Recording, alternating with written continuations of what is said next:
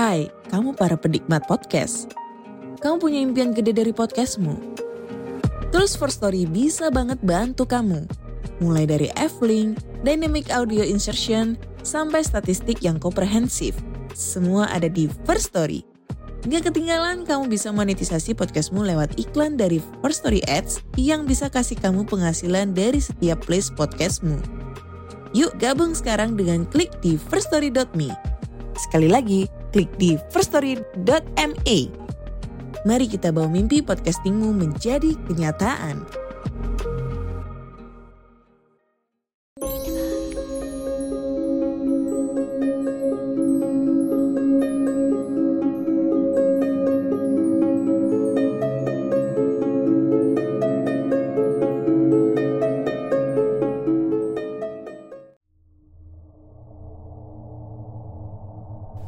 Selamat datang dan selamat malam. Kembali lagi saya Denny narator dari Rumah Horor Indonesia menyapa kalian. Semoga kalian ada dalam keadaan yang sehat dan berbahagia. Ini mohon maaf ya Karena sampai tanggal 4 baru upload lagi. Ini editan di kantor tuh banyak lagi banyak-banyaknya Karena mau ada festival atau pameran gitulah. Tapi saya juga gak mau ngecewain buat Sobat Rumah Horor Indonesia yang sudah nunggu-nunggu nih Untuk melengkapi dosis horornya. Malam hari ini saya akan membahas sebuah cerita mengenai seorang security wanita yang kebetulan dia bertugas di sebuah sekolahan. Inilah dia. Sepulang sekolah. Halo, sebut saja namaku Eni. Aku ingin menceritakan mengenai cerita horor di sekolah tempat bibiku bekerja. Seperti biasa, bibiku selalu memanggil murid-murid yang masih main di kelas atau di lingkungan sekolah sambil menunggu dijemput oleh orang tuanya. Saat itu sudah pukul 16.00 Semua guru-guru sudah pulang dan tinggal satu murid lagi yang belum dijemput. Tadinya murid itu menunggu di lobi sekolah. Namun karena lama Jadi ia berjalan-jalan untuk menghilangkan kebosanannya. Saat itu bibiku sedang jaga di depan lobi sekolah. Tiba-tiba orang tua anak itu datang dan menghampirinya. Bu, mau jemput anak saya, Niko Ujar orang itu Oh iya, sebentar bu, saya panggil dulu, kata bibiku. Bibiku berjalan mencari Niko di sekitar lobi, namun tidak ada terlihat murid itu. Kemudian bibiku mencoba mencari ke lantai atas, mungkin ia bermain di kelas. Bibiku mencoba memanggil namanya, namun tidak ada jawaban. Bibiku kemudian mencoba melihat ke dalam kelasnya, namun kelasnya kosong, tidak ada siapa-siapa. Mungkin main di halaman sekolah. Pikir bibiku saat itu. Ia pun berjalan menuju tangga untuk turun. Saat menuju tangga Ia melewati lorong toilet. Terdengar suara anak kecil memanggil. Bibiku pun berhenti Karena mendengar suara itu. Nah itu dia. Kumam bibiku sambil melihat kiri dan kanan Mencari anak itu. Mana ya? Gumam bibiku mencari anak itu karena tidak terlihat siapa pun di lantai itu. Ibu. Terdengar suara memanggil dari dalam lorong toilet. Bibiku segera menoleh dan melihat seorang anak berlari masuk menuju ruang janitor atau ruang yang tukang bersih-bersih itu ya. Ibu. Terdengar suara anak memanggil.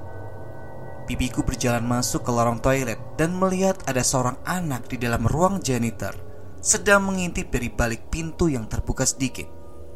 Niko, ayo pulang, udah dijemput, panggil bibiku. Terdengar suara anak kecil tertawa dari dalam ruang janitor. Ruang janitor kayaknya agak asing ya kalau di Indonesia ya. Pakai ruangan kebersihan gitu aja ya, tempat menyimpan berbagai macam alat kebersihan gitulah. Bibiku berjalan menuju ruang kebersihan itu yang letaknya di ujung lorong. Lorong toilet itu memang agak gelap. Niko, sudah dijemput tuh, panggil bibiku. Bibiku segera mendorong pintu kebersihan itu perlahan sambil melongok ke dalam ruangan. Nik, bibiku langsung berhenti memanggil karena di dalam ruangan itu ternyata tidak ada siapa-siapa.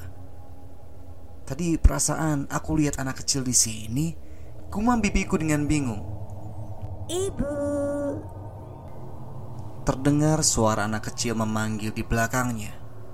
Jantung bibiku seakan berhenti. Bu, Suara itu memanggil kembali. Bibiku menoleh ke belakang dan matanya terbelalak melihat seorang anak berlari melewati pintu masuk lorong toilet. Terdengar suara anak itu tertawa. Niko, panggil bibiku sambil berlari mengejar anak itu. Namun setelah sampai di pintu lorong, bibiku tidak melihat ada siapa pun. Seketika bulu kuduk bibiku merinding dengan keadaan sekitar yang cukup redup dan sepi. Bu, Suara itu lagi-lagi memanggil. Bibiku menoleh ke belakang. Di ujung lorong kelas terlihat seorang anak berdiri sambil melambai-lambaikan tangan, memanggil bibiku. Lorong itu sangat gelap karena semua lampu dimatikan, sehingga tidak terlihat wajahnya. Kok anak itu bisa berdiri di situ, padahal tadi lari ke arah tangga ini? Pintu akses ke lorong itu kan sudah dikunci, gumam bibiku dengan perasaan heran. Jangan-jangan pikiran bibiku sudah mulai parno dan kakinya sedikit gemetar karena ketakutan. Bibiku segera berjalan dengan sangat cepat menuju tangga turun meninggalkan anak yang memanggilnya itu. Setelah sampai di lobi, orang tua anak itu segera menghampiri bibiku. Bu, anak saya ternyata dari tadi menunggu di tempat jualan jus di depan sekolah, ujar orang tua itu. Oh, pantesan dicari di atas nggak ada, ujar bibiku. Makasih ya bu, ujar orang tua itu sambil berlalu pergi. Jadi, anak yang di atas tadi siapa? Gumam bibiku dalam hati dan tampak wajahnya pucat ketakutan. Dan langsung saja kita lanjut ke cerita kedua ya. Inilah dia, tamu tak diundang. Perjalanan dinas keluar kota atau keluar pulau memiliki pengalaman tersendiri yang mengasihkan. Namun kali ini ada sisi lain dari pengalamanku tentang tamu tak diundang. Pengalaman yang terjadi saat melakukan perjalanan dinas dan cukup membuat bulu kuduk berdiri untuk diceritakan. Jadi aku mendapatkan tugas pertama kali untuk dinas keluar pulau, tepatnya di Kepulauan Riau bersama dengan rekanku Rudi. Seperti biasa, setelah sampai di Bandara Sultan Syarif Kasim, Kota Pekanbaru, aku dan Rudi dijemput oleh sopir menuju mes tempat kami akan menginap. Lokasi mes ini kurang lebih sama seperti mes di Kalimantan, yaitu di tengah-tengah hutan. Rencananya kami akan menginap dua hari satu malam di mes tersebut.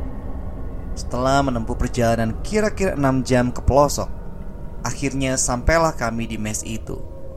Mes tersebut baru beberapa minggu selesai dibangun, sehingga cat bangunannya masih sedikit tercium. Karena kami sampai di lokasi sudah petang, kira-kira jam 8 malam, aku dan Rudi pun melepas lelah jenak di sofa sambil menonton televisi dan meneguk kopi hangat.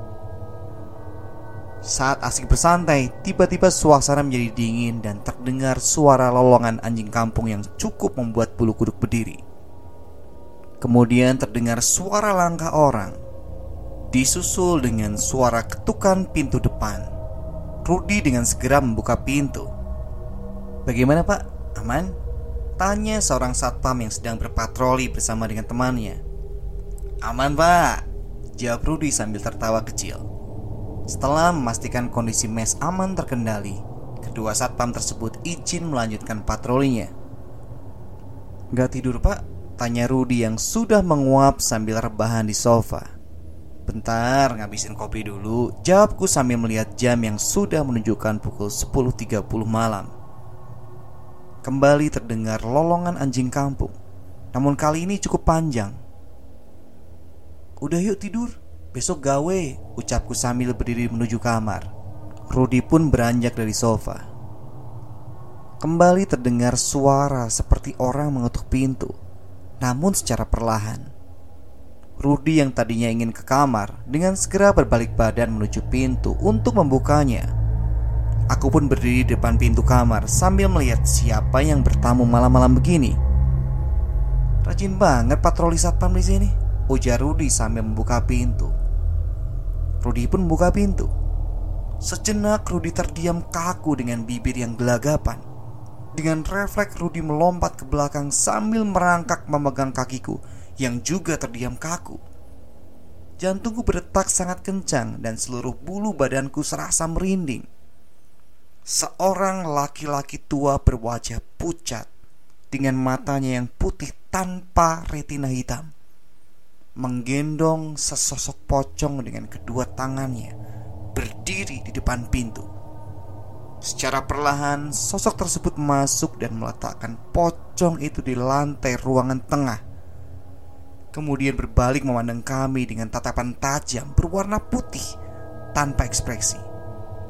Aku yang sudah ketakutan tidak karuan tanpa pikir panjang segera menarik Rudy dan berlari keluar menuju pos satpam yang jaraknya kira-kira 50 meter dari mes.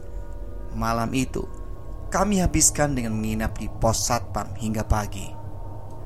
Oke, begitulah akhir dari dua cerita horor kita di malam hari ini. Kalau kalian punya cerita horor atau pengalaman mistis, kirim saja ke denny.risanto1104@gmail.com.